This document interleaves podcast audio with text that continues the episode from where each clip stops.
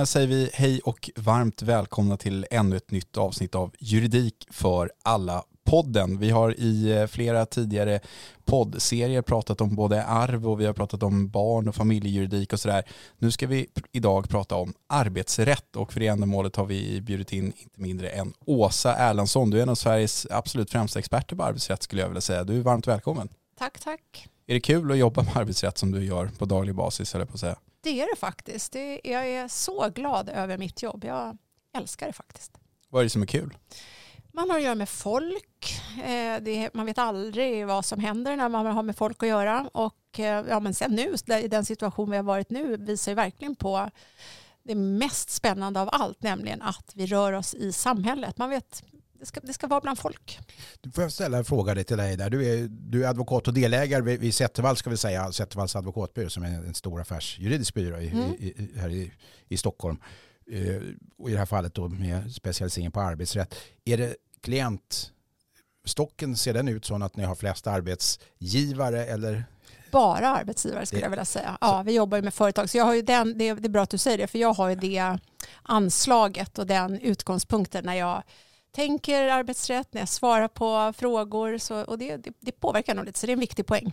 Ja, jag, jag, jag, det, det, det, är ibland så att man har två sidor av saken och i, mm. i arbetsrätten så brukar det vara väldigt tydligt i vissa avseenden. Sen att man har konsensus och sådär i, i olika kollektivavtalssammanhang och kring mycket som rör arbetsrätten mm. där ju även arbetsdomstolen är sammansatt på ett sätt där det finns representation från så kallat från båda sidorna. Va? Absolut. Eh, så bör man ändå ha det i åtanke. Mm. Absolut, men om vi ska göra det väldigt enkelt då från början. Vad, när du säger att du jobbar med arbetsrätt, vad är, vad är det för typer av frågor som man vanligen stöter på? Vad handlar arbetsrätt om? Är det arbetstagare, arbetsgivare, är det anställningsavtal eller vad, vad, vad, är, vad är de vanligaste frågorna som kommer till dig? Ja, men du är inne på ett bra spår tycker jag. Bland annat anställningsavtal. Vi ska anställa vår dyraste medarbetare någonsin. Är det någonting särskilt vi ska tänka på? Det finns massor att tänka på. Sen kommer vi in när man ska avsluta anställningar också. Någonting har inte blivit så bra. Då vill det till att det finns ett bra avtal men det räcker inte utan det krävs bra praktisk hantering också. Eh, det kanske händer grejer under anställningen. Eh, ja, någon mår dåligt, någon presterar inte som har tänkt sig. Kan vi ge ett bonusprogram? Vi ska, och det är också jätteviktigt. Vi ska köpa ett företag som har en massa anställda. Finns det några särskilda regler som gäller då? Någon säger sig ha blivit diskriminerad. Står det i lagen att vi behöver jobba jättemycket med diskrimineringsfrågor här?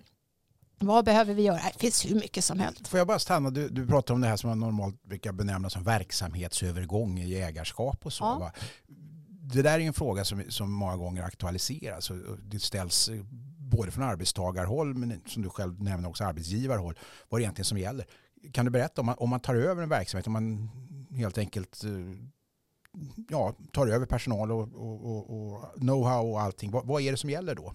Alltså, ur mitt perspektiv som bara är arbetsrätt så är det så att om eh, man köper en verksamhet, inte aktierna utan inkråmet i det, om det går över från en arbetsgivare till en annan, alltså någon köper en verksamhet, då har som utgångspunkt de anställda i den här första verksamheten, ursprungsverksamheten, rätt att följa med över till den köparen.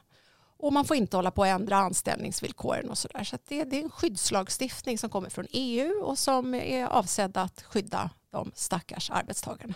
Så att om man jobbar på ett företag som blir uppköpt av ett annat, det är ju ganska vanligt mm. Eh, ändå får man säga, då behöver man så att säga som vanlig anställd inte oroas över att det kommer ske förändringar i ens anställningsvillkor, eller? Precis så, mycket bra sammanfattat. Och, och man behöver aldrig vara orolig över det. det. Det är inte så att det finns, eh, alltså under den här tiden så får den nya ägaren av företaget inte göra några ändringar. Ja, utan... alltså man kan säga att den nya ägaren har ju rätt att göra de förändringar som en arbetsgivare alltid har rätt att göra och Eh, det kan man. Arbetsgivare kan faktiskt, kan man ibland tro att det kan väl inte gå att göra ändringar i ett anställningsavtal.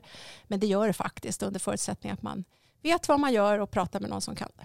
Okej, om vi eh, liksom går in lite mer på det som har hänt här i närtid. Då. Vi har mm, under två års tid, idag när vi spelar in det här så, så lyfts nästan alla av de här restriktionerna och rekommendationerna. Vi ska inte säga att pandemin är över, men vi befinner oss i en ny fas av den här pandemin. Vad har coronapandemin inneburit för arbetsrätten och för ditt jobb? Ja, vilken dag vi har alltså. Det är 9 februari idag. Um, nej men det har ju varit ett märkliga år helt enkelt. Vi har fått titta på juridik som vi uh, inte hade en aning om var så relevant och jag skulle kunna peka på hur många olika saker som helst. Men om jag ska lyfta en, eh, ett område inom arbetsrätten som verkligen har fått en skjuts ordentligt, som alla vill veta allt om, så är det ju arbetsmiljö. Och det har ju att göra med att många av oss har Eh, behövt eller fått jobba hemma, hemifrån. Vad betyder det egentligen? Och sen ska jag för sig säga att det är lite märkligt i de här diskussionerna när man lyssnar på juridik och sånt där så låter det som att alla har jobbat hemifrån och det är ju verkligen inte sant. Det är ju faktiskt nog så att de flesta inte kan arbeta hemifrån. Man jobbar på fabrik eller butik eller service eller vård och så. Men där har det varit en stor grej med arbetsmiljön. Vi vet ju nu att det är ganska många, även efter pandemin, som åtminstone kanske en eller två eller tre dagar mm. i veckan kommer att fortsätta jobba hemifrån. Om vi börjar med så att säga arbetstagarperspektivet, det vill säga den anställdes perspektiv. Vad kan man ställa för krav på sin arbetsgivare när det gäller till exempel arbetsmiljö, arbetsverktyg och sådana saker? Mm.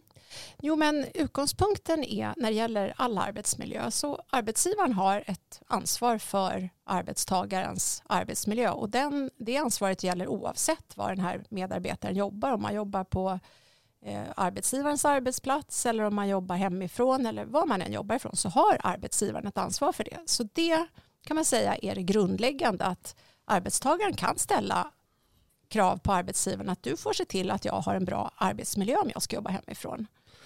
Det, det, här är ganska intressant därför att ibland är det ju dessutom oklart om huruvida det är en om vi kallar för beordrad arbetsförläggning mm. till bostaden eller inte. Jag hade själv en diskussion ganska nyligen med, med en god vän som, som råkar jobba på en advokatbyrå. Mm. Och han hade till, till slut avkrävt sin chef ett svar på, är jag beordrad att arbeta hemma? Ja. Eller får jag komma in på min arbetsplats här? Det är viktigt för mig att veta därför att då kickar ett antal rättigheter mm. in och inte minst arbetsmiljöfrågor kan man liksom lägga den samma nivå på arbetsmiljökravet som normalt ligger på arbetsgivaren i den stund som arbetstagaren flyttar hem sin arbetsplats och sitter i köket och arbetar när det gäller frågor om till exempel ergonomiska ja. Eh, arbetsverktyg och så. Berätta.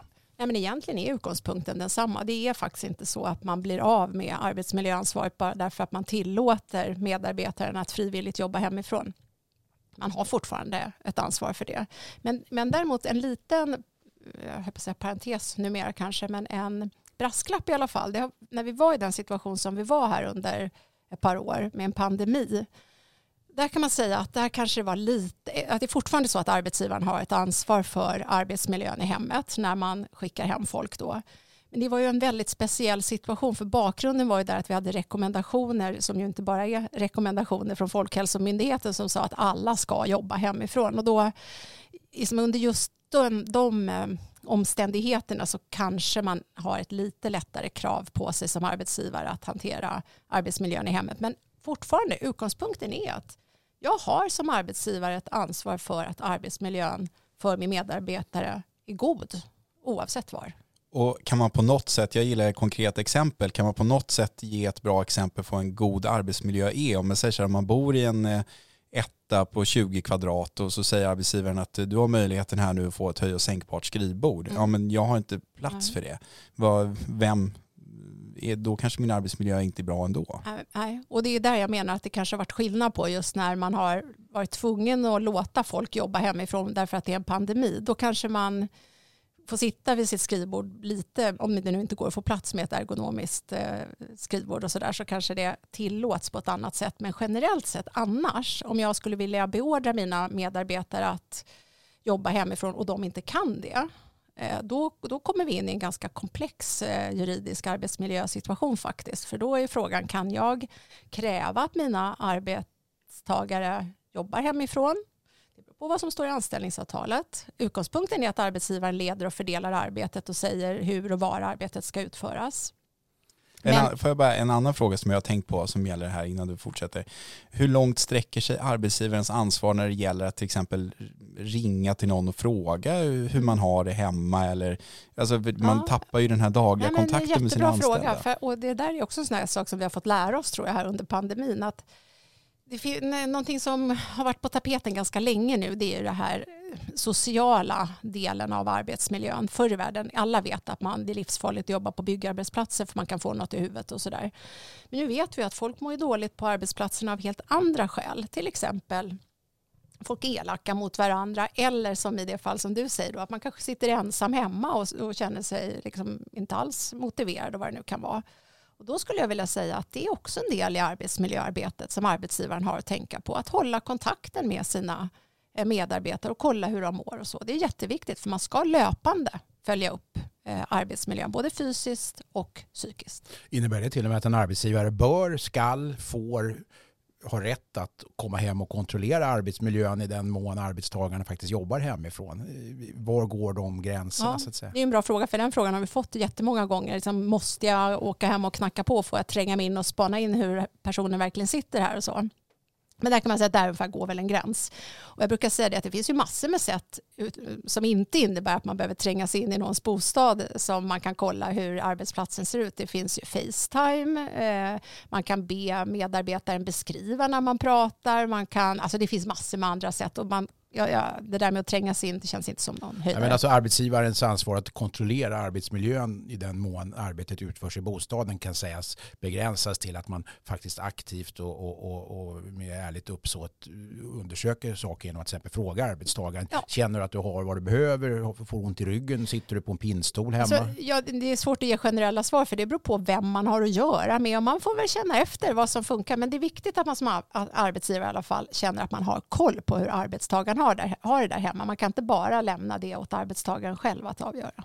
En annan fråga som jag tror många har tänkt på, både på arbetsgivarsidan och på de anställda sida, det är det här hur får och hur ska en arbetsgivare kontrollera att den som arbetar hemifrån som arbetar under de timmarna som arbetsdagen gäller, det vill säga kan man som arbetsgivare säga till en anställd att du ska vara inloggad i det här systemet då och då eller du ska mm. sitta med kameran på. Många har kanske där på företag där man har använt sig av den principen har känt sig liksom lite integritetskränkt, att det känns inte ja. så trevligt till exempel. Nej, men jag, den teoretiska utgångspunkten är att det kan man, tycker jag, som arbetsgivare göra. Och det här var bra, du frågade ifall jag är arbetsgivarrepresentant eller arbetstagarrepresentant. Det har vi hört, tror jag. ja. Nej, men eh, så är det. Att jag, jag menar ju att det är klart att arbetsgivaren kan bestämma hur arbetet ska utföras och sådär. Men sen vill jag ju också understryka att det är viktigt och vettigt att vara en bra arbetsgivare också. Så om man nu ställer krav på att du ska ha kameran på eller vad det nu är under vissa tider och sådär så är det väl viktigt att man kan beskriva varför och förstå så att medarbetaren inte bara känner sig övervakad utan förstår syftet med det också. Det här, all, allt det här som vi har pratat om nu det är ju för många tror jag helt nya företeelser ändå som mm. många av oss aldrig stött på tidigare. Du som arbetsrättsexpert, den lagstiftningen som finns på arbetsrättsområdet, har den varit liksom förberedd för att någonting sånt här skulle kunna hända? Ja, men hyfsat tycker jag. Jag tycker det fungerar bättre än man kan tro. Eh, och det är det som är det sköna lite grann med våra gamla lagar där från 70 80-talet, att de fungerar ganska bra, för det är ju mycket ramlagar och sådär. Och, och, vad betyder det för den som inte ja, vet? Ja, det betyder att de är inte så detaljerade, utan de, de ger ganska liksom vaga eh, och generella uttryck kring vad som man får göra och vad man inte får göra. Som till exempel man ska säga upp någon så står det att man ska ha saklig grund. Det kommer ju ändras snart, men det står saklig grund. Och vad det betyder, det står ju inte. Och, eller att, man, att arbetsgivaren har ett ansvar för arbetsmiljön, ja men det är bra, men vad det faktiskt betyder, det står inte rakt ut. Så att man kan stoppa in och anpassa det efter förhållandena. Och då kommer den naturliga frågan, är det bäst för arbetsgivaren eller bäst för arbetstagaren? Nej, men det tror jag inte man kan säga. Det är nog eh, det är jämnt på något sätt. Men jag vill bara säga en grej som jag kom att tänka på när du frågade om arbets, eh, eller reglerna är anpassade för Eh, om, det, om de har hållit måttrycket. Liksom. Och en grej som har varit lite klurigt på sina ställen det är ju det här med digitaliseringen som jag har boomat, alltså, eh, boomat är fel ord, men alltså den har verkligen exploderat och alla, inte alla, men väldigt många arbetsplatser där man tidigare sa att det var omöjligt att använda digital teknik här har ju nu fattat att det funkar. Och där är ju faktiskt inte eh, lagstiftningen riktigt up to date. Till exempel står det i LAS att man ska överlämna ett eh, uppsägningsbesked personligen och går inte det så kan man skicka det med rekommenderat brev, gå till posten och köra ett rekommenderat brev. Och det känns ju lite liksom, kan man inte köra liksom digital signering som man kan göra med allting annat? Men vi får väl se, kanske kommer Ja, något. ja, där kan man ju inflika att det här har varit ett generellt sett problem för en konservativ men juridiken är konservativ och det här har generellt sett varit svårt när det gäller just mm. Mm. bank-id Ja. eh, inom andra delar av juridikens värld också där, där, där det sent om sidor har kommit in möjligheter att acceptera en, Mm. en digital signatur Mm. som samma underskrift som, som när det finns formkrav på Mm. att någonting ska vara undertecknat Mm. för hand. Va? Och i fortsättningen här nu när vi ser att de här restriktionerna lyfts och sådär. Har man som arbetsgivare någon möjlighet, alltså enligt lag möjlighet att påverka sin arbetssituation? Kan jag som anställd på det här företaget säga att men nu när jag har vant mig vid det här så vill jag gärna jobba två dagar i veckan hemifrån. Har arbetsgivaren någon skyldighet att ge mig den möjligheten? Egentligen inte. Här sitter jag och har taskmörten här på arbetsgivarsidan. Men alltså, det är faktiskt så. Arbetsgivaren leder och fördelar arbetet. Det är en enkel utgångspunkt. Arbetstagaren har att göra det jag vill. Men egentligen ställde du din fråga lite öppnare. Har jag någon möjlighet att påverka? Och det är klart du har. Om du känner att du kommer göra ett bättre jobb eh, och jag kommer vara mer produktiv eller mer effektiv. Då får man ju prata med sin arbetsgivare om det och, och försöka övertyga att det, det är en win-win här. Alla tjänar på att jag jobbar hemifrån. Men om hårt ställs mot hårt så är det arbetsgivaren som bestämmer var man ska jobba. Och utifrån det avtal som naturligtvis finns, vare sig det är ett kollektivavtal eller individuellt avtal. Självklart, låt oss säga att du har lyckats eh, förhandla till det ett avtal där det står att jag får jobba två dagar eh, i veckan hemifrån, ja, men då gäller ju det. En, en, jag återknyter lite grann till det som jag var på tidigare. Kan man säga att, att om det inget annat framgår av ett, ett anställningsavtal så är det ändå så att man presumerar att det finns en arbetsplats att gå till. Är, är det att dra det här för långt tycker du? Um, nej, men det låter väl som, ja, det, det skulle jag också utgå ifrån sådär bara som stenåldersmänniska, för så har det alltid varit. Men det är där jag menar att man kanske får utmana sig lite grann. Det som har varit självklart kanske inte är självklart, men det finns ju bestämmelser i LAS som säger att eh, inom en månad från att man har börjat jobba så ska man upp, som arbetsgivare upplysa arbetstagaren om en mängd olika saker, bland annat arbetsplatsen. Så eh, det borde stå någonstans. Jag skulle gissa att Arbetsdomstolen, om det är så att det inte står, så kommer det falla tillbaka på arbetsgivaren att man har varit oklar. Tror du att pandemin kommer få någon effekt när det gäller lagändringar inom arbetsrätten? Då? Vi pratar om det här. Det finns ju en risk att, eh, eller chans, eller hur man nu vill se det, att många arbetsgivare kanske drar ner på sina kontorsytor och så här, för man har sett att det fungerar ganska bra. Kommer du tro att det blir vanligare att folk kommer skriva in i avtalet att det finns möjlighet till distansarbete? Eller hur tror du annars eh, i övrigt att coronapandemin kommer att påverka arbetsrätten? Eh, det är en stor fråga, men ja, jag tror att det kommer, just den frågan som du tog upp här nu, det tror jag, alltså att man, kan, man skriver in i avtalen i vilken utsträckning man kan jobba hemifrån, det vet jag, det har jag sett i vår verksamhet, att eh, våra klienter frågar efter och vill skriva någonting om.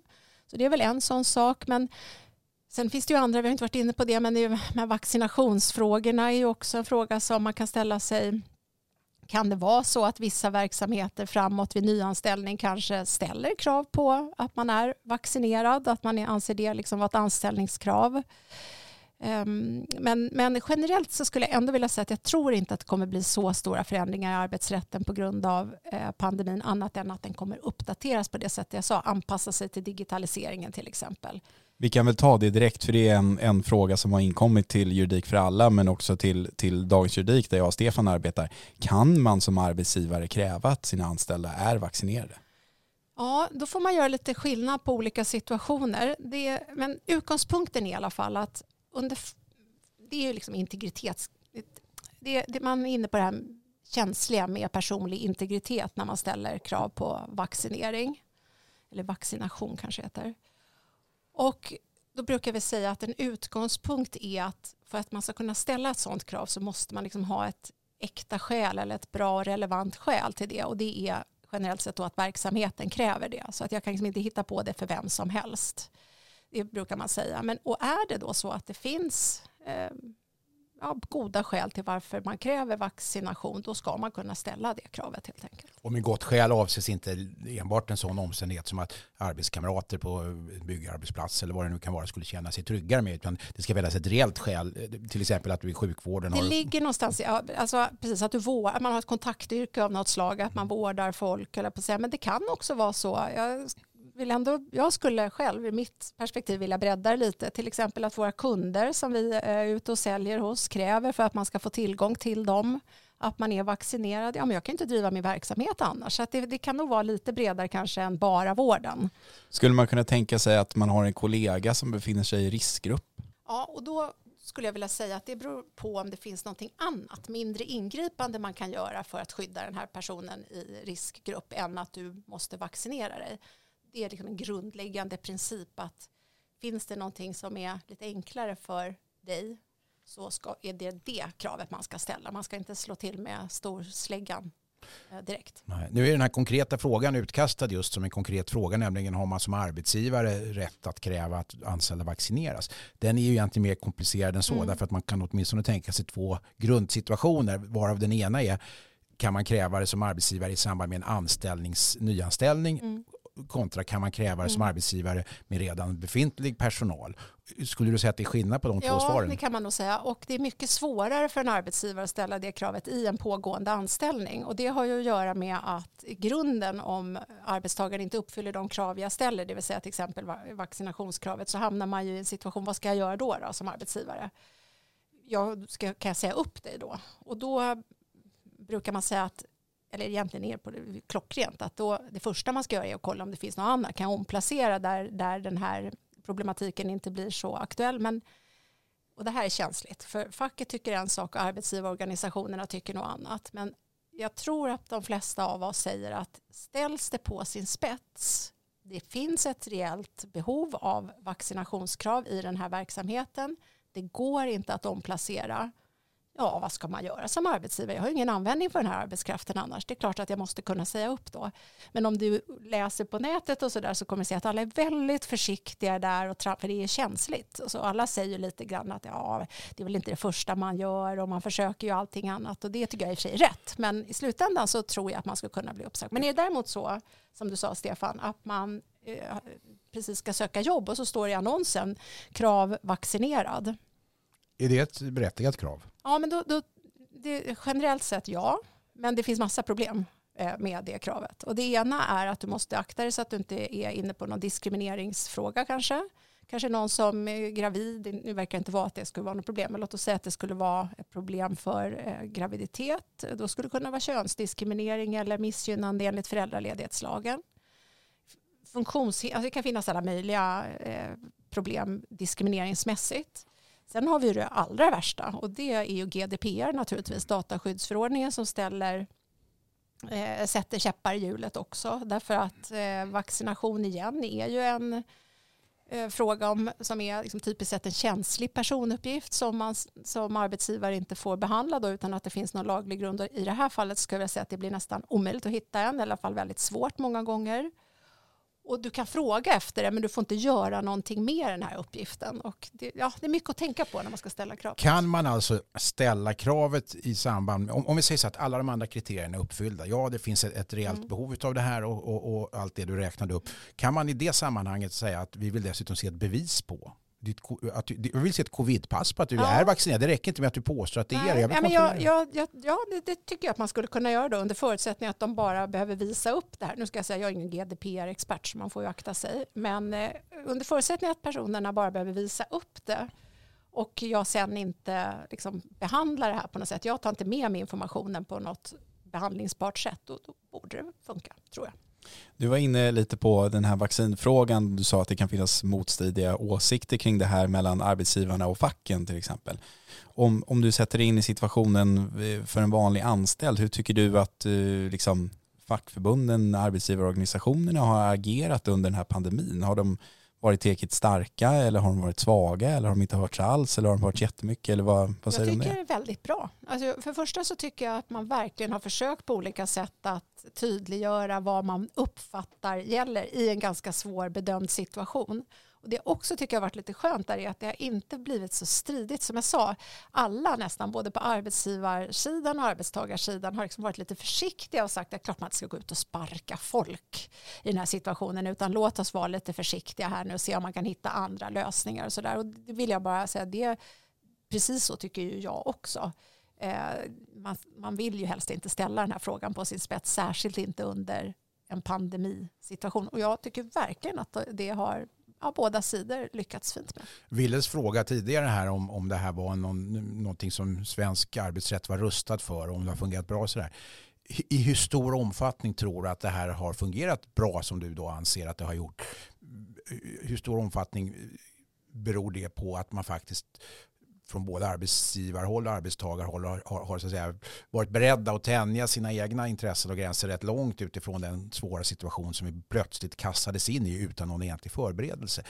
Ja, men det är lite det jag är inne på. Jag uppfattar verkligen att alla har försökt att bjuda till lite grann. Sen har det ju inte varit, alltså, jag har full respekt för de som har jobbat i vården och som där arbetsmiljön, särskilt inledningsvis när man inte hade varken vaccin eller ordentlig skyddsutrustning och sådär, det har ju inte varit eh, bra och med all rätt så har man ju såklart fått protestera och berätta hur man har haft det. Men på det hela taget så här i efterhand så tycker jag att det, det gick ganska bra ändå. Men jag vill med det inte förringa de som jag förstår har haft det väldigt, väldigt svårt och jobbigt. En, en lite juristisk fråga kanske i det här sammanhanget men ändå konkret relevant. Tror du att det kommer på något sätt komma någon arbetsrättslig backlash här? Att det, finns det någonting som kommer komma ikapp nu när, när det har lugnat ner sig jo, förhoppningsvis? Och så här, tror att något fackförbund, någon arbetsgivarorganisation på enskilt plan kommer, det här, kommer vi få se tvister efter och säga men vi förutsätter att det här kommer nu kompenseras i den ena riktningen eller andra? Så ja, kanske. Ja, jag vet inte om det kommer just som en kompensationsfråga men jag tänker att till exempel den här vaccinationsfrågan det skulle vara jättespännande att få se den prövad för att jag vill verkligen understryka det att när jag nu har suttit och babblat lite om vad jag tycker och tror och sådär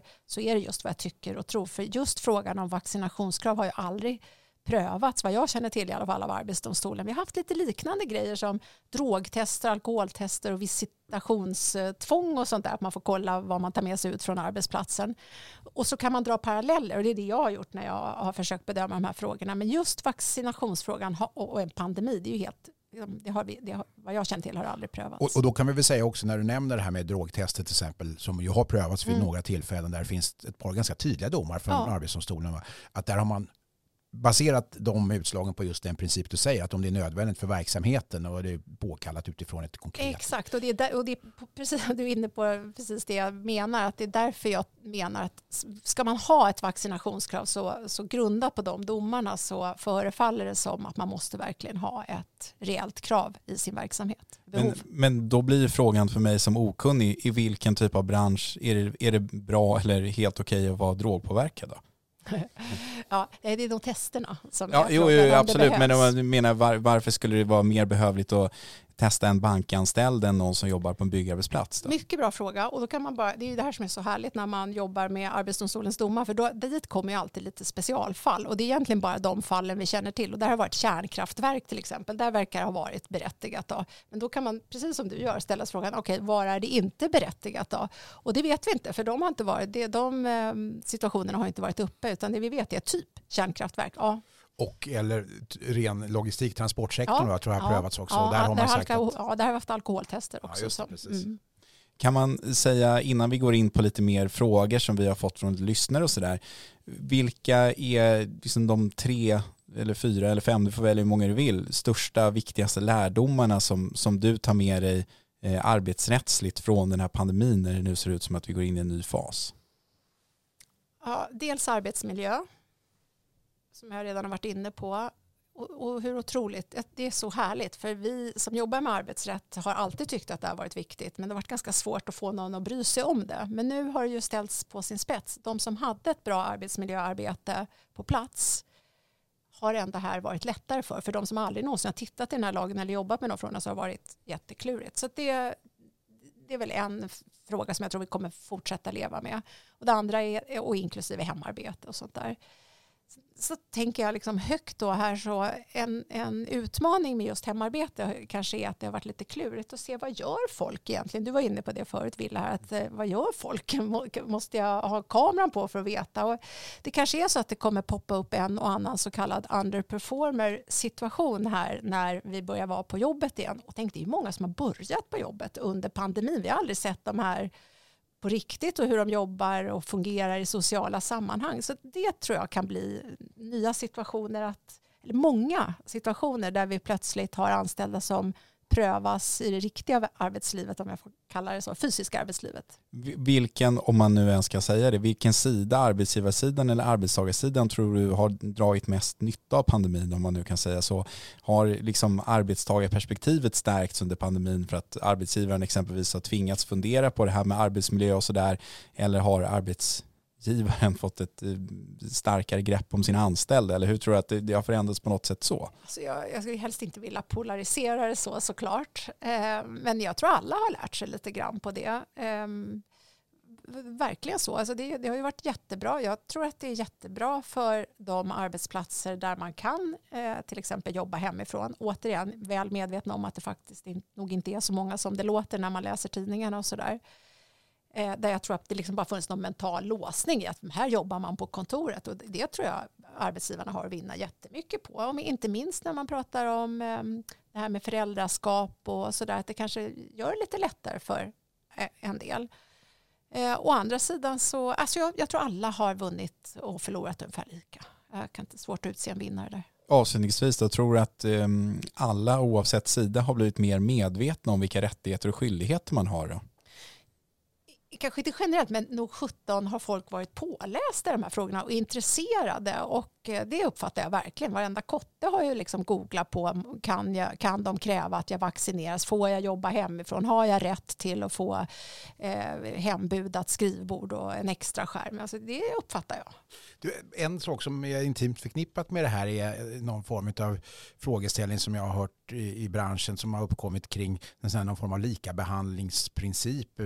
Kan man nu när pandemin går emot en ny fas här säga att man måste hantera alla sina arbetstagare med likvärdiga arbetsuppgifter på samma sätt. Att låter man den ena jobba hemma två dagar i veckan så måste den andra få göra det. Eller är det också någonting som står arbetsgivaren fritt att besluta? Det där får man ju höra varannan sekund. Så fort man liksom säger att nu, nu vill vi ta hem dig och jobba hemifrån ett tag här, eller från, alltså hemifrån ur arbetsgivarens synpunkt. Nu känner jag att jag, det, det funkar inte så bra när du jobbar hemifrån så jag vill att du är nära på kontoret här.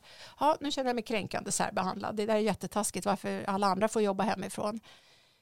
Man får inte kränkande särbehandla någon såklart, men om man har godtagbara och um, objektiva och goda skäl för att man inte kan lika behandla alla så är det alldeles absolut tillåtet. Det finns ingen generell likabehandlingsprincip. Däremot får man inte kränkande särbehandla någon. Men kan det vara så helt enkelt som jag tror att alla som har suttit i någon arbetsledande position är väl medvetna om att människor har en förmåga att prestera olika beroende på situation och mm. att man har en medarbetare som helt enkelt inte eh, får ur sig lika mycket om hen arbetar hemifrån som en annan och att man därför har möjlighet som arbetsgivare att säga så här, ja, Pia får jobba hemifrån men, in, men inte Anna till exempel. Ja, om vi då bortser från vad avtalen kan säga, men absolut, det är klart att man har den skyldigheten. Och det enda medskicket där, det är så här, allt, jag brukar skoja om det ibland, att jag har lärt mig att allting inte är juridik, det finns tydligen någonting annat som är viktigt också. Och då vill jag säga att även om man har den rätten så är det jätteviktigt att man förklarar varför jag säger att du inte kan jobba hemifrån. Så att det, du har rätt att göra det, men glöm inte att det, det, är viktigt att man hanterar det på ett bra sätt. Också. Och då kan väl medskicket vara till den som då blir inkallad till kontoret att man kan avkräva sin arbetsgivare en sån förklaring också? Ja, man kan absolut ställa frågan. Det tror jag är bra och jag tror också att det kan vara bra för arbetsgivaren liksom att tänka till lite kanske. Eh, får man frågan så blir man ju tvungen att tänka lite. Så det låter som en god idé tycker jag. Bra, då har vi dragit eh, en hel del intressanta frågeställningar kring just pandemin och arbetsrätten förändring. Låt oss gå in på några lyssnar och eh, läsarfrågor som vi har fått så ska du få svara på lite mer konkreta frågor här.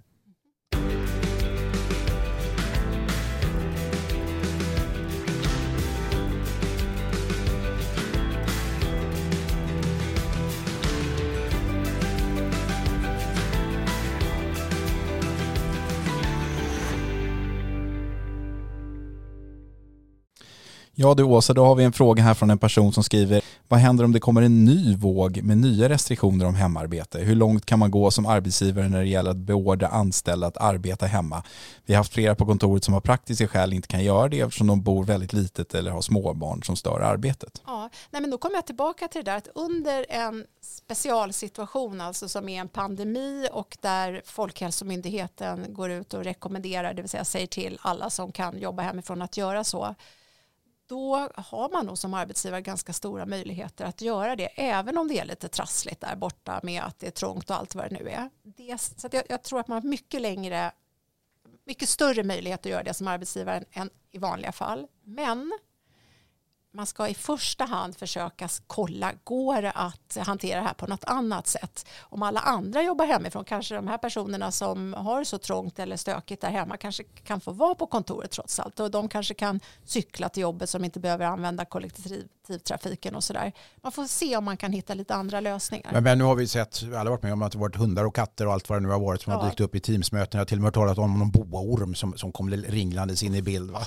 Ja, ja, eh, ja, ur ett arbetsmiljöperspektiv. Det var ju självvalt då från den, den anställde som hade ett sånt husdjur. Mm. Men oavsett det så, så, så tänker man ju på den här praktiska situationen som, som den här äh, inskrivaren då tar upp, att man till exempel bor väldigt litet. Man kanske förväntas att utföra arbetsuppgifter när man runt matbordet tvingas sitta och arbeta med en, en sambo eller någonting som har motsvarande. Mm. Alltså, och man har hemmahörande barn. Ja, men, hemmavarande barn. Ja, nej, men jag återkommer till det. Det är arbetsgivaren som ansvarar för att arbetsmiljösituationen är tillfredsställande och fungerar.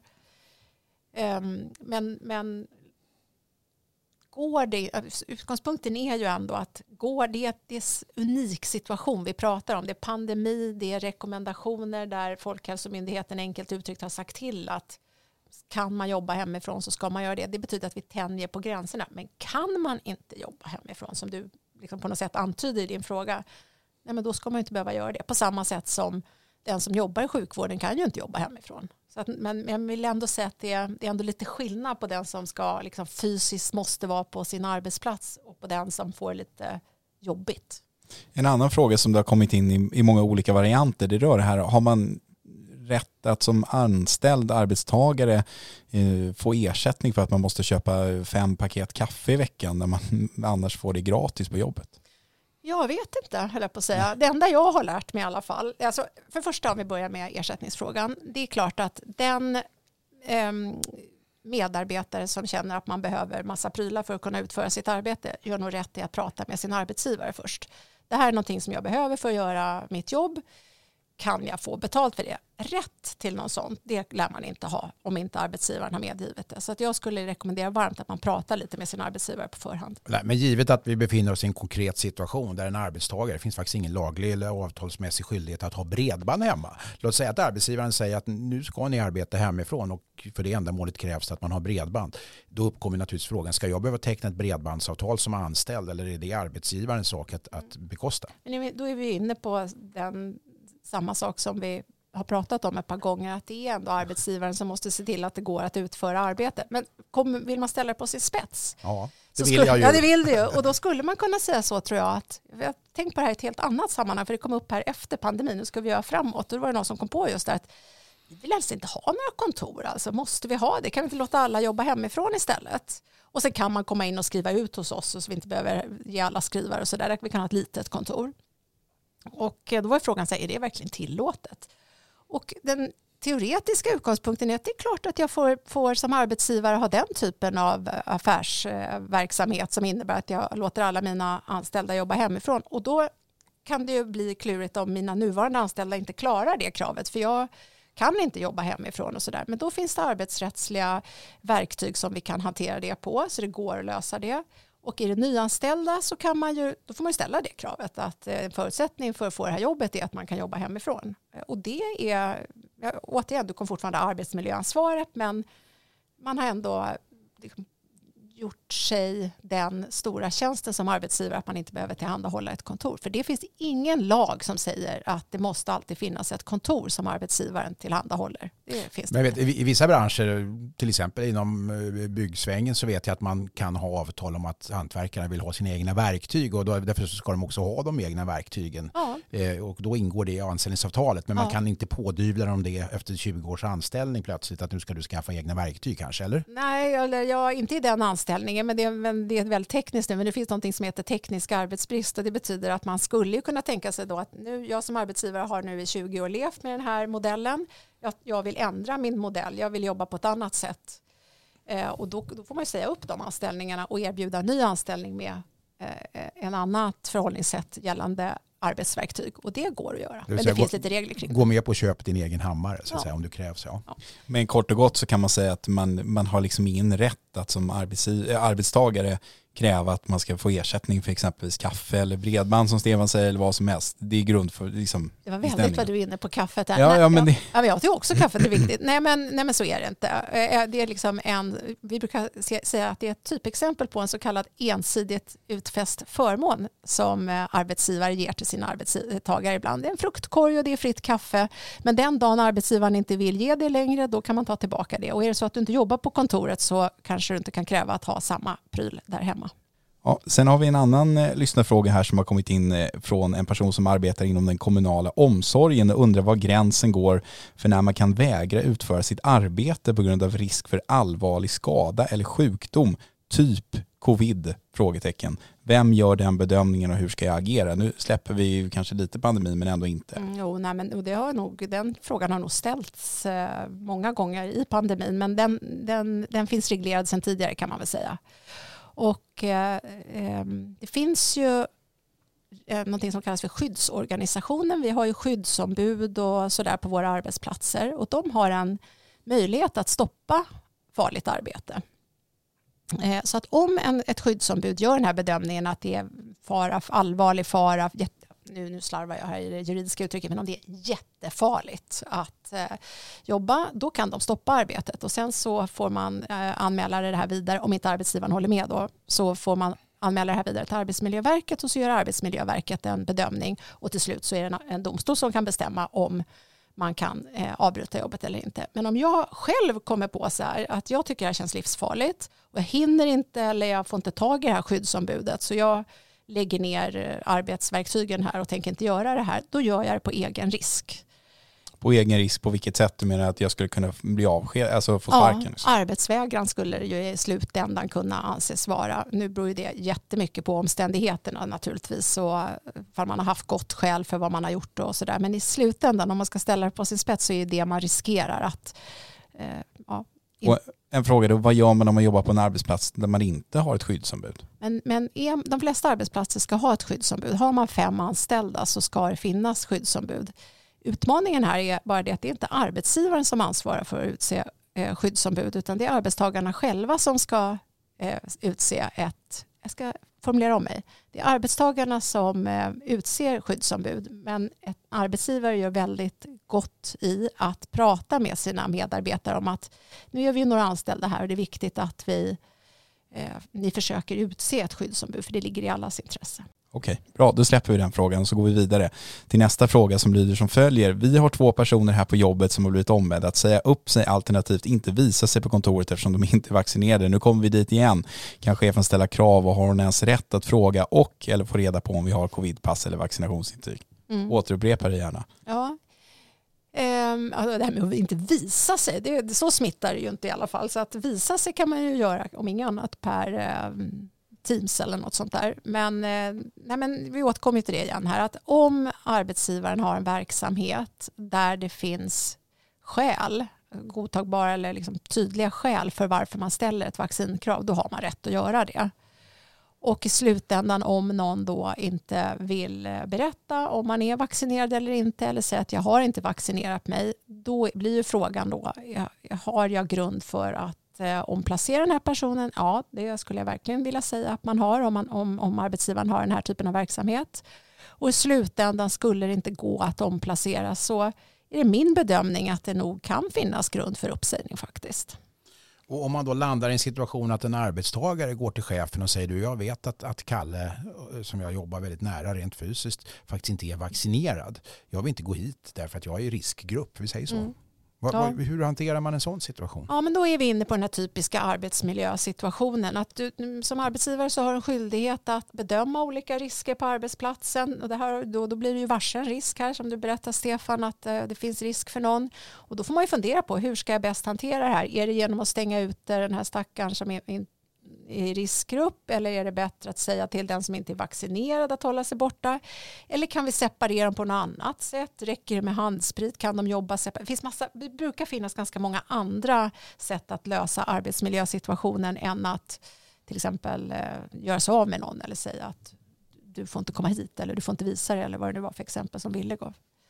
Okej, vi, vi eh, tar en fråga som, som har lite med det du avslutade med här. Det, det kommer från en restaurangägare som berättar att han tvingades säga upp en stor del av sin personal under pandemin. Nu ska han nyanställa och då undrar han om han måste följa någon turordning och återanställa de som sades upp. Eh, och i sådant fall finns det någon möjlighet att åtminstone välja bort en person som jag faktiskt inte vill ska komma tillbaka.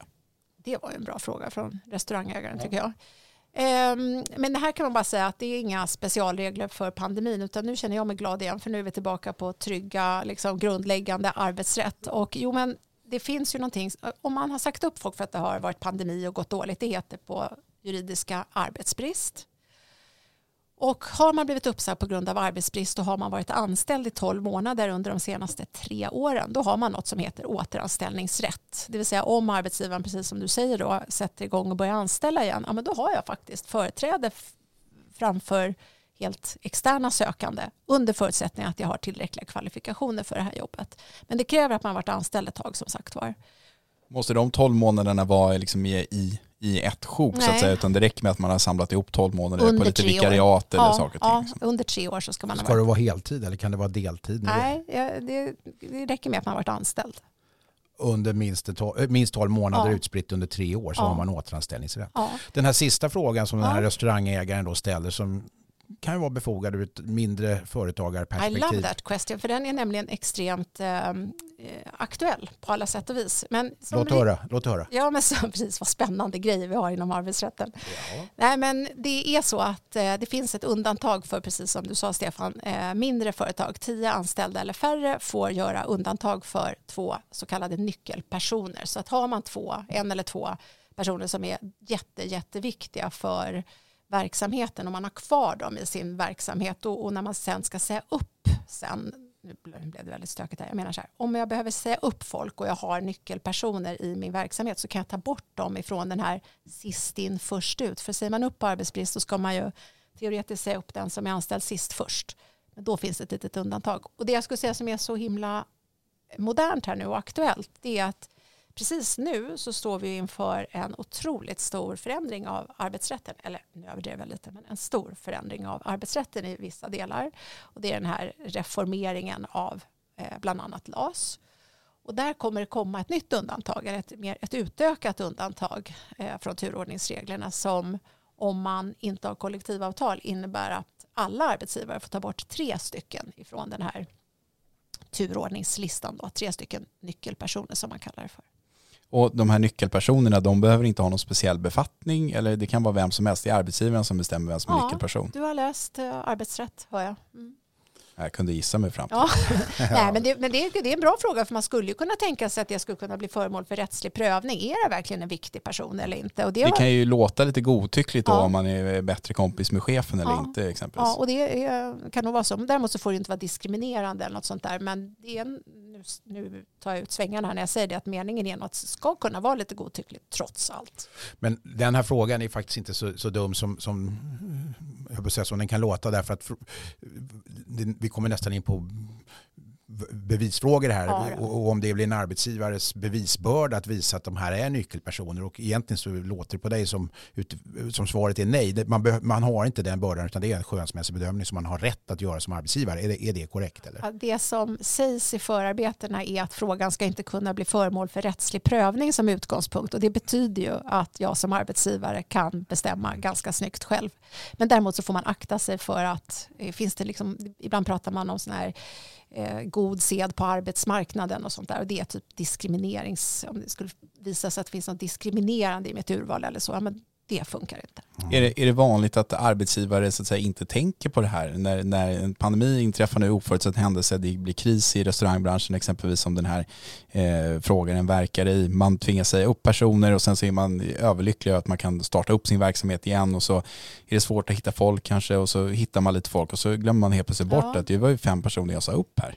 Eh, nej men, vad jag glömde faktiskt säga, en viktig förutsättning för att man ska ha återanställningsrätt är också att man har anmält sin återanställningsrätt. Så man kan säga att det är ganska svårt att glömma bort det, fast det går att glömma bort även att någon har anmält för allt i världen. Men, men det är inte så att det liksom är automatiskt bara för att man har blivit uppsagd så har man återanställningsrätt utan man har skyldighet att säga till. Men det kan ju hända att folk som blir uppsagda sa till då precis samtidigt som man sades upp och sen har arbetsgivaren glömt bort det. Och det Ja, alltså det är lite olika hur bra koll folk har. Det händer nog både då och då att folk glömmer det. Men har folk generellt sett så bra koll att de vet att de ska anmäla det då? Ja, det borde man ha. Därför att när man blir uppsagd så man, då står det i lagen att man ska få ett papper eh, där det står massor med grejer som är viktiga att hålla koll på. Bland annat om man har återanställningsrätt. Så den som har fått ett uppsägningsbesked och läst igenom det ordentligt bör ju då veta. Och där står det också att man ska anmäla det och hur och så. Ja, men det är bra. Får jag fråga där i sammanhanget hur det ser ut med någon bortre gräns tidsmässigt i den här återanställningsrätten? Ja, det gäller under uppsägningstiden och sen är det nio månader efter att uppsägningstiden har gått ut. Så att om den här restaurangägaren har sagt upp Eh, personal i inledningen av den här pandemin och eh, det nu har gått två år, ja. då kan det hända att den har upphört. Det är lite ja. väsentligt att påpeka Absolut. i de här sammanhangen. Bra, bra synpunkt. Ja. Eh, vi börjar nå vägs ände här Åsa, men jag tänker att vi ändå på något sätt ska försöka summera upp lite vad vi har pratat om och då tänker jag om du är bäst lämpad för det i det här rummet såklart som expert och vi har ju pratat om arbetsmiljö, det här ganska långtgående ansvaret som arbetsgivaren har. Om du bara lite kort, tre saker att tänka på där. Ja, det ena är att det är arbetsgivaren som ansvarar för arbetsmiljön alldeles oavsett var någonstans medarbetaren jobbar. Eh, en annan sak att tänka på är att, vara, att arbetsmiljöarbetet ska ske i samråd med medarbetaren så att man kan inte bara sitta där hemma och hoppas att medarbetaren hör av sig om han eller hon jobbar hemifrån så att man ja, verkligen lyssnar och pratar.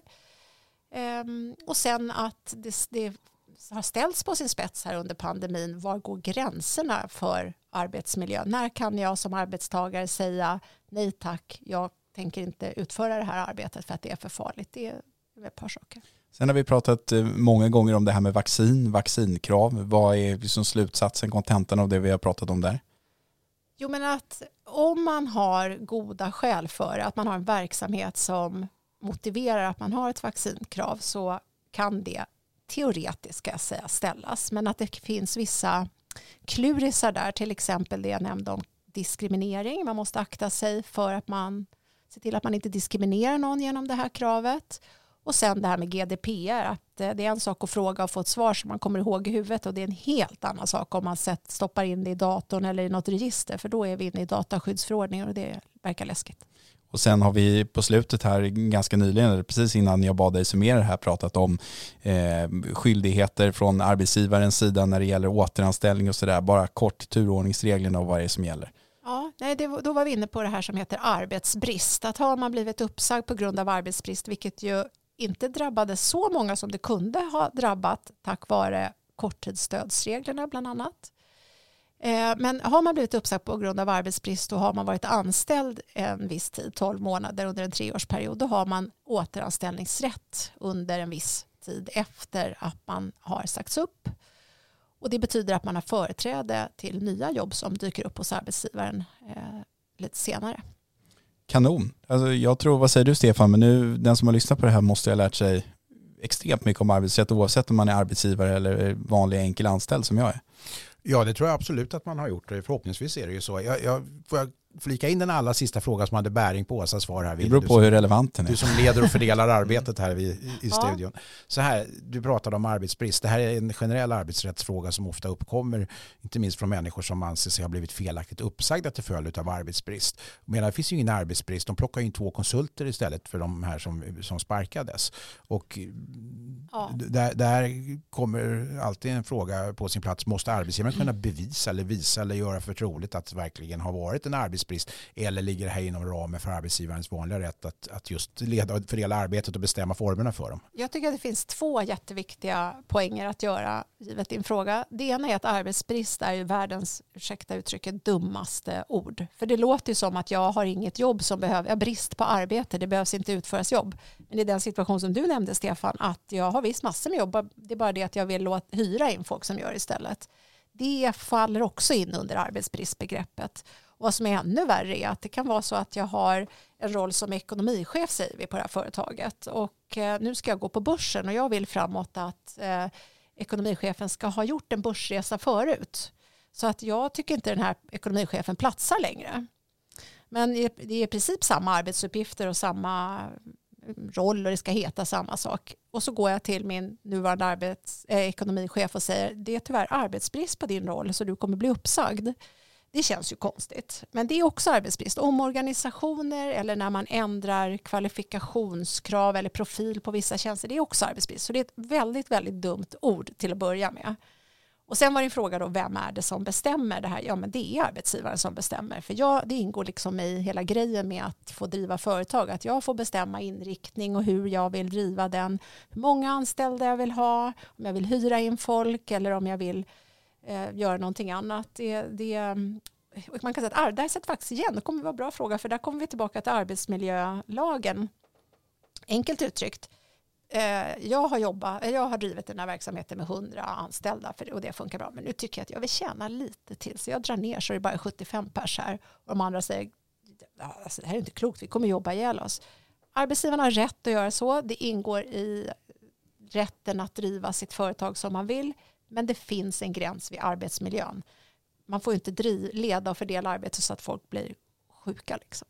Men sen vill jag, får jag stoppa in en sista grej där? Du får stoppa in vad du vill. Det är skillnad mellan dig och Stefan. Du är expert. jag fick be om lov här. Ja, ja tack, vad bra.